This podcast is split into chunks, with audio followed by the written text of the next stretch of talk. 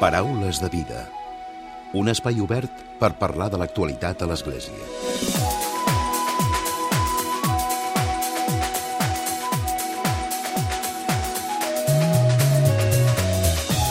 Què tal? Salutacions i molt bon dia, molt bon diumenge.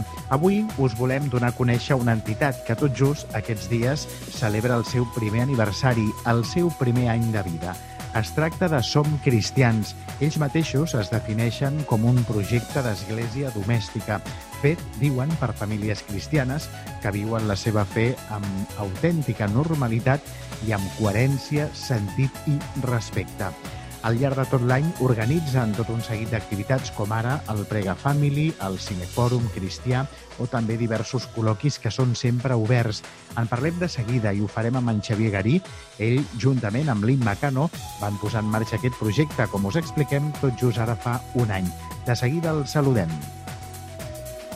I com sempre, tancarem el Paraules de Vida amb un nou comentari de l'actualitat de Francesc Romeu. Avui repassa, fa una anàlisi de la visita, de la recent visita del papa Francesc a l'Iraq. Comencem.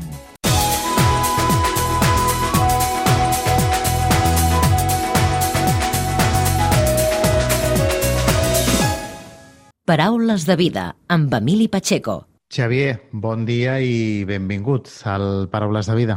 Molt bon dia. En Xavier Garí, com hem dit a la portada, juntament amb la Imma Cano, la seva dona, són els fundadors de Som Cristians. Xavier, primer de tot, per situar l'audiència, què és Som Cristians? Bé, Som Cristians és un projecte de famílies cristianes que ens preocupem per la transmissió de la fe als nostres fills i que ens n'adonem que per transmetre bé, bé la fe als fills hem de cuidar la nostra pròpia fe. I llavors eh, ens arrepleguem unes quantes famílies que veiem que gaudim molt amb les Pasques familiars, per exemple, i que aquestes només s'organitzen un cop l'any. I, per tant, doncs, necessitem un altre caliu.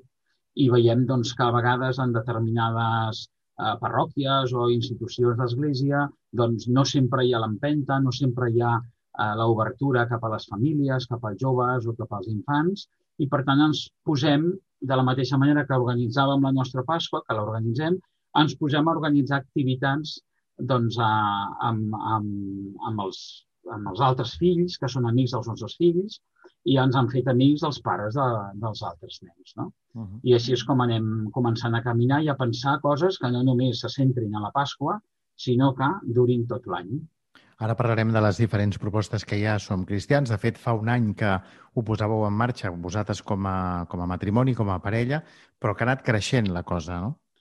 Efectivament, ha anat creixent i sobretot el que ens ha passat és que eh, hem vist que se'ns anava de les mans entre cometes, no? i en el bon sentit de la paraula. Què vol dir això? Doncs que vam començar unes 4 o 5 parelles, que era el rovell de l'ou, diguem-ne, i doncs, eh, vam arribar fins a unes 30 inicialment. Val? Aquestes 30 parelles, per tant, 60 pares i mares, amb dos o tres o quatre fills, per tant, un, un, unes 150 persones en total, vam veure que podíem organitzar les que anomenem propostes compartides, és a dir, activitats tant pels nens com pels adults, que ens permetin cuidar la nostra fe, no? com deia abans. I, per tant, eh, esclar, en el moment que passem a la, a la, al confinament per la pandèmia, que això només ens permet fer una sola activitat presencial, la del febrer, on ens creem entre a finals de desembre i principis de gener. La primera activitat és al febrer i al març ja ens confinem. I, per tant, durant unes setmanes quedem una mica fora de lloc tots plegats, no? I comencem a veure que això doncs, no durarà 15 dies, ni un mes, ni només. I, per tant, comencem a obrir doncs, a la web, que ja teníem una mica un espai per a trobades internors, no? per, a, per a mantenir-nos al dia, per a informar de les activitats i propostes i calendaris i horaris i de més, doncs vam veure que això ho podíem anar obrint i ens relacionem entre nosaltres a les xarxes socials, Instagram i Twitter sobretot. I llavors comencem a veure que, esclar, altra gent ens coneix, altra gent té aquestes inquietuds, altra gent té dificultats per cuidar aquests aspectes que nosaltres també ens trobem i mm, descobrim que hi ha molts laics i laiques que estan desitjosos de prendre iniciatives, de participar i d'implicar-se. I un motor interessant no només és doncs, eh, viure més la nostra fe, sinó la preocupació de transmetre-la adequadament eh, els nostres fills amb un bon testimoni, amb una bona formació per part nostra, amb activitats fetes a la seva mida, amb el seu llenguatge, amb les seves necessitats. I, per tant, esclar, a partir d'aquí, doncs, eh, comencem fent les pregàries virtuals, que ja actualment, des de fa un parell de mesos, es diuen Prega Families, i a partir d'un d'una via de Zoom, diguem una sessió de Zoom que contractem eh, i que està a la nostra pàgina web, doncs la gent comença a accedir, però accedeixen les famílies habituals que, que, que hi som i també accedeixen altres famílies amics d'amics, coneguts, el boca orella comença a funcionar. Nosaltres no tenim un programa de, diguem de difusió ni de publicitat ni res d'això, però en canvi les xarxes socials sí que fan una gran feina. I amb motiu del primer aniversari que hem fet aquest gener, doncs hem obert, per exemple, um, un compte a Facebook, després d'anar desenvolupant el Twitter i, i, i l'Instagram, i hem vist que en tres setmanes hem passat en mil, més de mil seguidors, eh, sense fer tampoc cap tipus de publicitat ni tenir un projecte, diguem de difusió ben cuidat, no? Per tant, això ens fa pensar que, que més gent d'aquestes doncs, 30 famílies necessita això. I davant del confinament ens sentim amb la eh, crida, diríem, amb una primera crida d'obrir-nos a atendre a famílies cristianes que doncs, no poden anar a l'església, que no poden participar dels seus moviments o de les activitats pastorals que feien. Mm. I, per tant, això que ens va bé a nosaltres creiem que no ho podem tancar per a nosaltres. No? I, per tant, evidentment, obrim, que és un sentit molt cristià no? d'obrir a, a tothom que amb bona voluntat eh, desitgi. No? I aquesta és una, és una primera fase i una segona fase és quan, eh, esclar, ja no només fem la pregària virtual, el Prega Family, sinó que eh, la gent comença a demanar més coses i nosaltres veiem que el que volíem fer eh, diguem-ne, més presencialment en determinades famílies, doncs ho podem oferir a altres. I llavors creem diferents projectes, diferents propostes compartides que De fet, deien. exacte, són propostes compartides que hi ha una desena, no? De moment, a dia d'avui. Aproximadament hi ha una desena, efectivament, i el que busquen és respondre a, a diferents necessitats. Aquesta desena hi ha tres o quatre que no es poden portar a terme perquè havien de ser estrictament doncs, presencials. No? Per exemple, el projecte Qui camina peregrina el que vol és eh, fer sortides amb les famílies per fer el camí de Sant Ignasi, per, per el camí ignasià, per fer el camí de Sant Jaume, eh, per anar a, a Montserrat, per anar a Poblet, per anar a Loyola, per anar a Tesé, per anar a Sis, per anar a Roma. No? És a dir, diferents llocs on hi hagi un rerefons cristià però també eh, són sortides a la natura, no? que ens permeti també copsar doncs, el Déu de la vida que està en tota la creació. No? I tenir un moment doncs, de pregària, de contemplació, o si acabem en un convent, un monestir o un santuari, doncs fer una eucaristia o, o, o fer una estona de pregària junts. El qui camina pelegrina o el bon samarità, que és eh, voluntariats en família i amb famílies, el que pretenem és que també el voluntariat arribi a les famílies, no? i teníem també preparades alguns contactes que no hem pogut desenvolupar perquè això sí que requereix molta presencialitat, que és col·laborar amb menjadors socials, amb els nostres fills, no? amb diferents edats, fer-ho de diferent manera, no? Uh, netejar platges doncs, dels plàstics, netejar els boscos de, de, de residus, el que fos, eh? Uh, ajudar els bancs als aliments, anar a casals d'avis, a fer companyia, a cantar, a, en fi... A, hi ha, hi ha Xavier, la, la petjada solidària, ecològica, no? O sigui, Efectivament, aquestes són dues coses que hem hagut d'aturar perquè com que són presencials no les podem fer. Val? Però la resta, eh, sí, per exemple, els testimonis de saviesa. Què són els testimonis de saviesa? Doncs són xerrades en les quals eh, persones que han tingut experiències de fe personals ens poden donar el seu testimoni o persones que saben i coneixen sobre temes d'espiritualitat i de transcendència ens volen compartir la seva saviesa, diríem. No? I, per tant, a partir d'aquí hi ha una xerrada hi havia intervencions a, a, a continuació i, i, bueno, i, i ens enriquim. No? La idea això era fer-ho a les cases no? de, de les famílies i, per tant, doncs, acabar sempre amb un sopar compartit. Eh? En el cas d'activitats amb nens és acabar amb un berenar o començar amb un berenar compartit. No? Altres eh, projectes doncs, són converses cristianes, no? el mateix que els testimonis de saviesa, però les converses cristianes el que pretenen és donar resposta a temes teològics i pastorals amb la mirada posada en el món i els peus a terra. No? I a partir d'aquí doncs, parlem doncs, de cícliques papals o parlem de doncs, quin és el paper dels laics eh, a l'Església o què fem doncs, amb les crisis econòmiques no, i polítiques que tenim davant, com donar una resposta cristiana, quin és el Jesús que avui tindríem en aquest món, quina resposta havíem de donar com a cristians. En fi, seria una mica doncs, aquests, aquestes dues activitats que sí han passat a la virtualitat. Altres doncs, són el grup de lectura espiritual, que el que permet és agafar diferents textos o llibres més o menys escollits o fragments de llibres que potser la majoria doncs, no sabria on buscar o no sabria per on decidir-se. Llavors nosaltres ens assessorem, busquem, els destriem i un cop al trimestre hi ha una sessió de grup de lectura on un mes abans es passa el material eh, que es penja a la web o bé hi ha una llista de mail per tots aquells que desitgin rebre un cop al mes la informació i s'envia la lectura. Hi ha una persona que coordina aquest grup de lectura i porta, presenta la lectura i després la compartim. Ara, per exemple, la més recent que hem obert és l'aula d'història del cristianisme.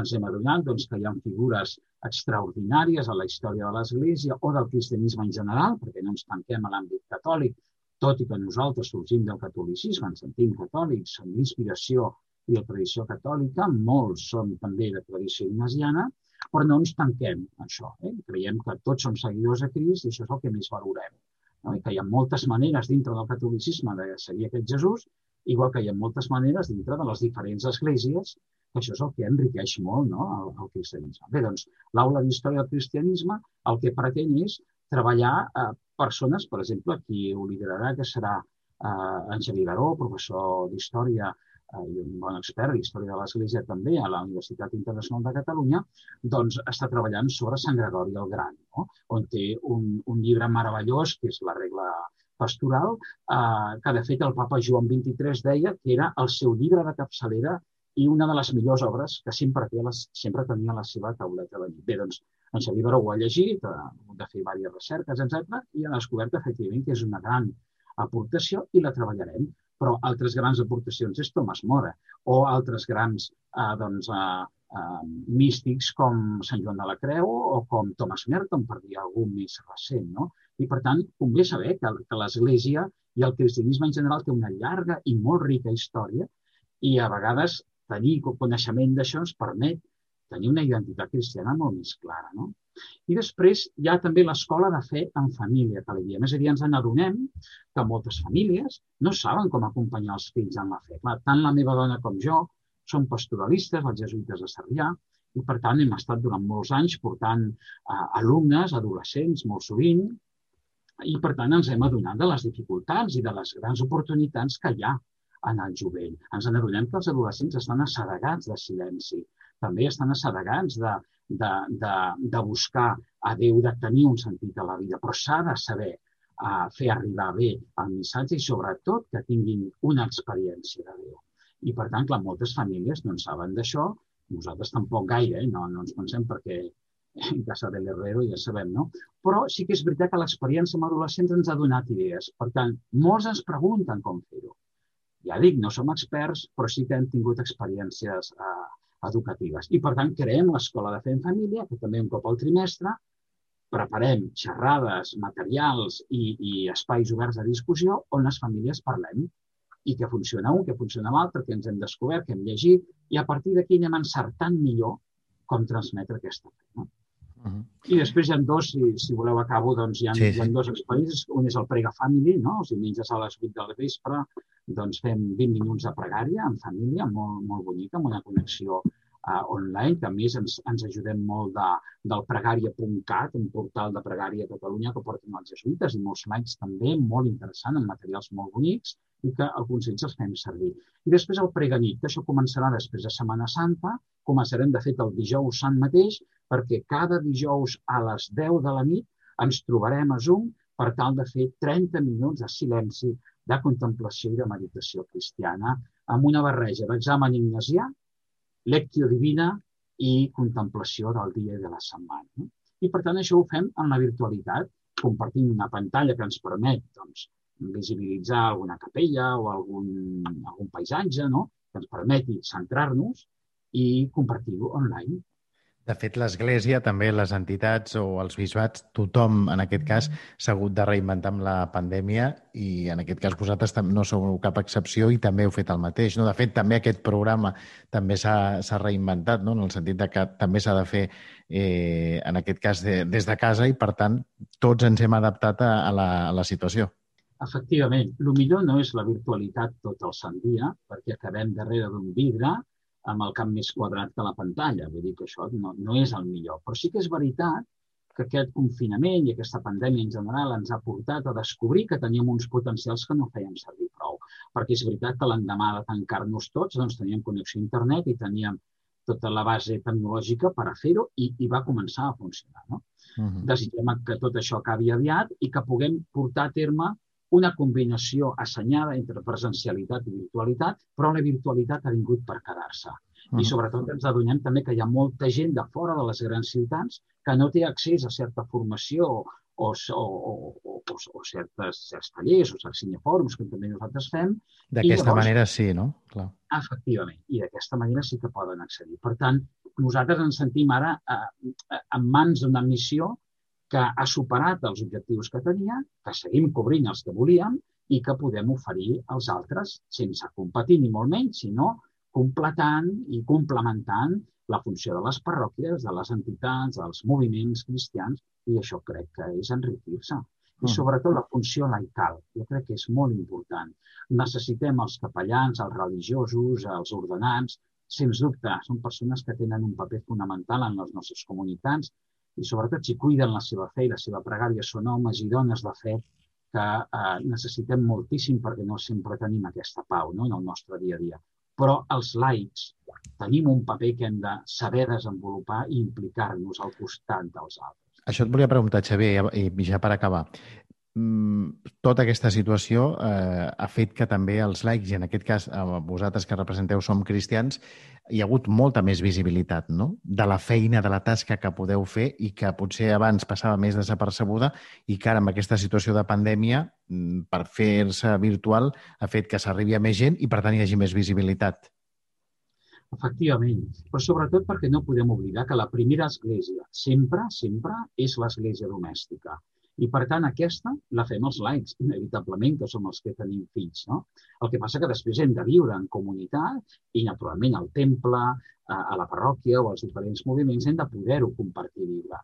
I, insisteixo, eh, els clergues, no, els religiosos, eh, eh, els consagrants, els monjos, tenen una funció molt important però no podem esperar només d'ells que ho resolguin tot. Primer, perquè no hi ha tants. Segon, perquè no poden arribar a tot arreu. I després, perquè som cridats com a laics a la corresponsabilitat a l'Església. L'Església és de tots i la majoria som laics. Per tant, la majoria de tasques les hem de també saber assumir els laics. Això sí, en col·laboració amb els capellans, amb els religiosos, insisteixo, amb una bona germanda, lluitant amb allò que el papa francès també lluita molt contra el pecat del clericalisme, perquè això no ens ajuda de cap manera, sinó col·laborativament i cadascú té el seu carisma, el seu servei, la seva missió, però en igualtat i caminant cap al mateix Crist, que en el fons és això el que hem de fer caminar cap al mateix Crist. Uh -huh. Xavier, ja per acabar, quins són els reptes que teniu? Ara heu fet un any de Som Cristians. No sé quin seria el repte més immediat o en els propers mesos, que són mesos també d'incertesa perquè no sabem ben bé com anirà aquesta situació de pandèmia, però encara que sigui de manera breu, quin seria? Bé, efectivament, el, els primers reptes són mantenir aquest acompanyament virtual en els pròxims mesos que encara venen de pseudoconfinament i de pandèmia forta, i per tant nosaltres mm, tenim un activisme una mica elevat, eh, per sobre inclús a vegades de les nostres forces, eh, per mantenir-lo en aquests mesos, però confiant que aviat això pugui acabar, abans, després de l'estiu, abans, després de Nadal vinent, depèn també de la responsabilitat no, de tots els ciutadans, de la, de la feina que han de fer també la distribució de vacunes, etc. I llavors passar a una virtualitat combinada assenyadament en la presencialitat, perquè necessitem la presencialitat. I, per tant, rebaixar una mica aquesta intensitat eh, que ara portem i que necessitem que hem de mantenir pel servei que poguéssim fer els que estan aïllats, els que estan més allunyats o els que estem més tancants que també eh, doncs necessitin estar acompanyats. No? Uh -huh. Doncs Xavier, gràcies per haver-nos acompanyat avui, per haver-nos eh, donat a conèixer a l'audiència del Paraules de Vida aquesta, aquest projecte, el Som Cristians. Moltes gràcies a vosaltres. Molt bon dia. Paraules de vida. L'Església dia a dia.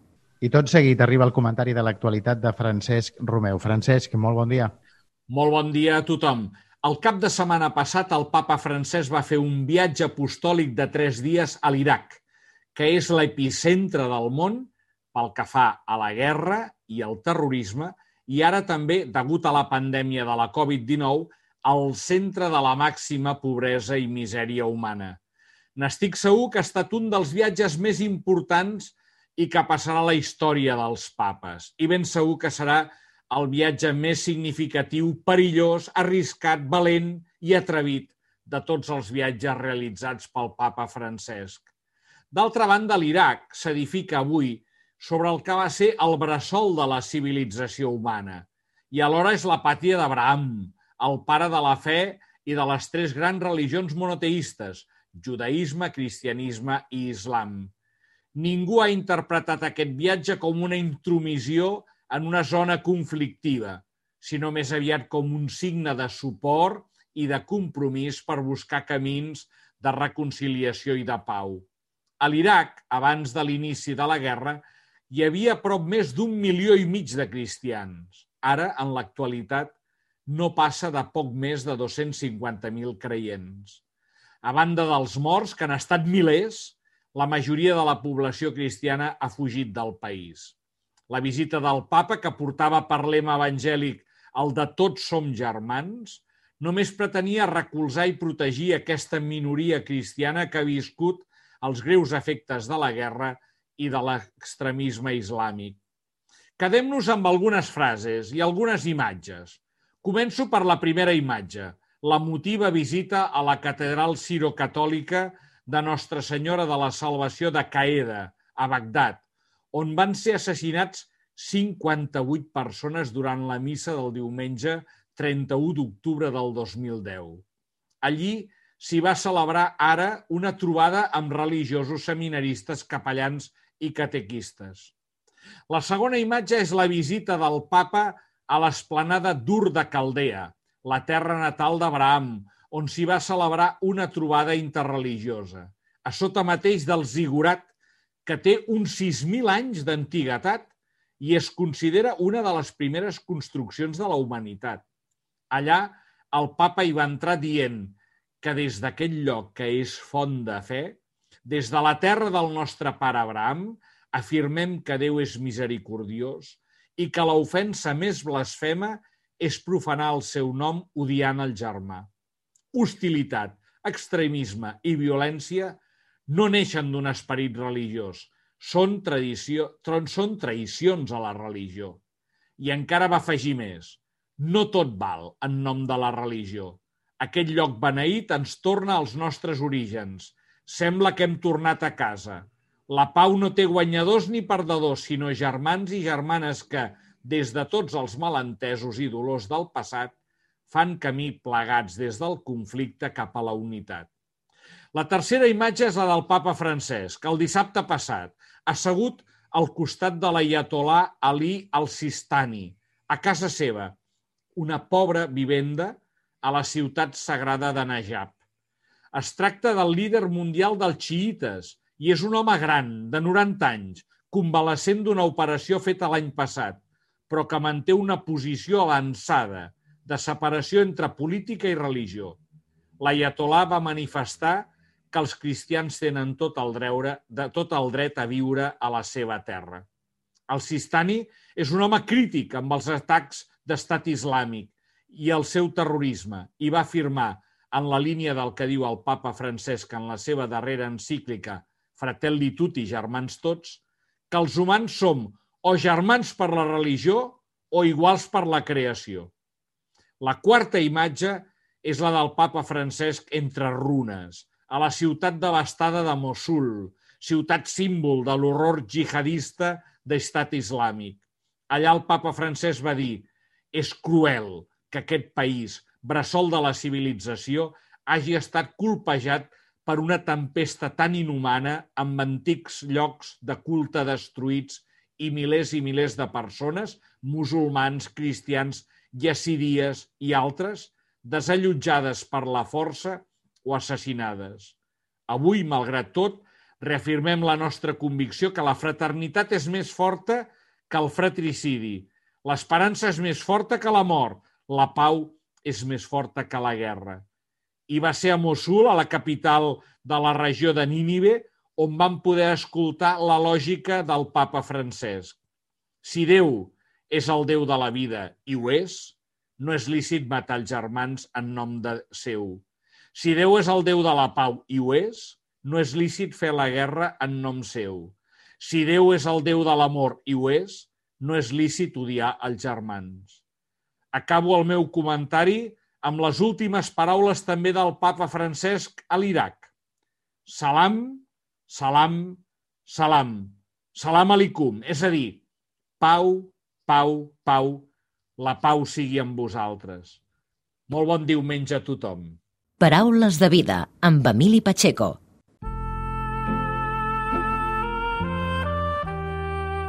Us oferim la carta dominical de l'arcabisbe de Barcelona, Joan Josep Omella. Déu vos guard. L'objectiu del Pla Pastoral Diocesà per aquest any litúrgic és l'opció pels pobres. Estem vivint un temps de prova que ens convida a reflexionar sobre el que és realment important en la nostra vida cristiana. En aquest temps difícil, Déu ens demana que servim amb valentia i generositat tots els nostres germans i especialment els més vulnerables. En el recés per preparar el temps d'Advent del passat mes de novembre, vam demanar a Déu que passés per la nostra vida i ens renovés el cor perquè fóssim capaços de trobar Crist en la paraula, en l'Eucaristia i en els pobres. La meditació de mossèn Josep Matías, delegat de Càritas Diocesana de Barcelona, els testimonis que van escoltar i els moments de silenci i d'adoració ens van ajudar a reflexionar sobre com podem arribar a ser una església que amb l'ajuda de Déu es posi al servei dels que més ens necessiten. Els pobres són els destinataris privilegiats del missatge de la Sagrada Escriptura. El llibre del Gènesi explica que tenim un origen comú. Som membres de la mateixa família.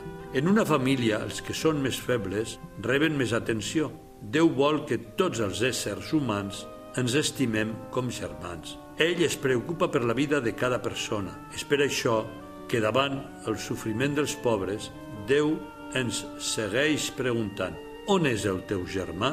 No cal anar gaire lluny per trobar aquest germà. Segons dades d'Oxfam Intermón, des de l'inici de l'actual pandèmia, la pobresa severa a Espanya ha augmentat en gairebé 800.000 persones per la Covid-19 i ha arribat a quasi un poc més de 5 milions de persones. L'apòstol Pau va entendre la humanitat com un tot i la va comparar amb un cos humà del qual tots formem part. Així ens diu, els membres del cos que semblen més febles són els més necessaris. Quan un membre sofreix, tots els altres sofreixen amb ell.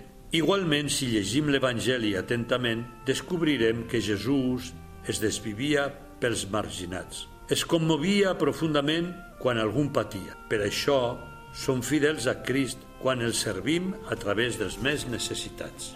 En aquest recés d'Advent vam poder descobrir quin és el somni de Déu. Déu somnia que algun dia tots lluitarem units per un món més just i més fratern. Déu somnia que el regne de Déu s'obrirà pas en un món ferit. Demanem al Senyor que les seves paraules vagin de la ment al cor i del cor a les nostres mans. Que la persona més fràgil i desorientada sàpiga a través nostre que hi ha algú que el busca i que l'estima. Benvolguts germans i germanes, hi ha moltes persones que estan patint les greus conseqüències de la crisi. Sapiguem ajudar els pobres amb la pregària, amb la compassió i amb els nostres recursos. Els ens necessitem més que mai i no oblidem que els sagraments, especialment l'Eucaristia, són fàrmacs d'eternitat, com diuen els sants pares de l'Església.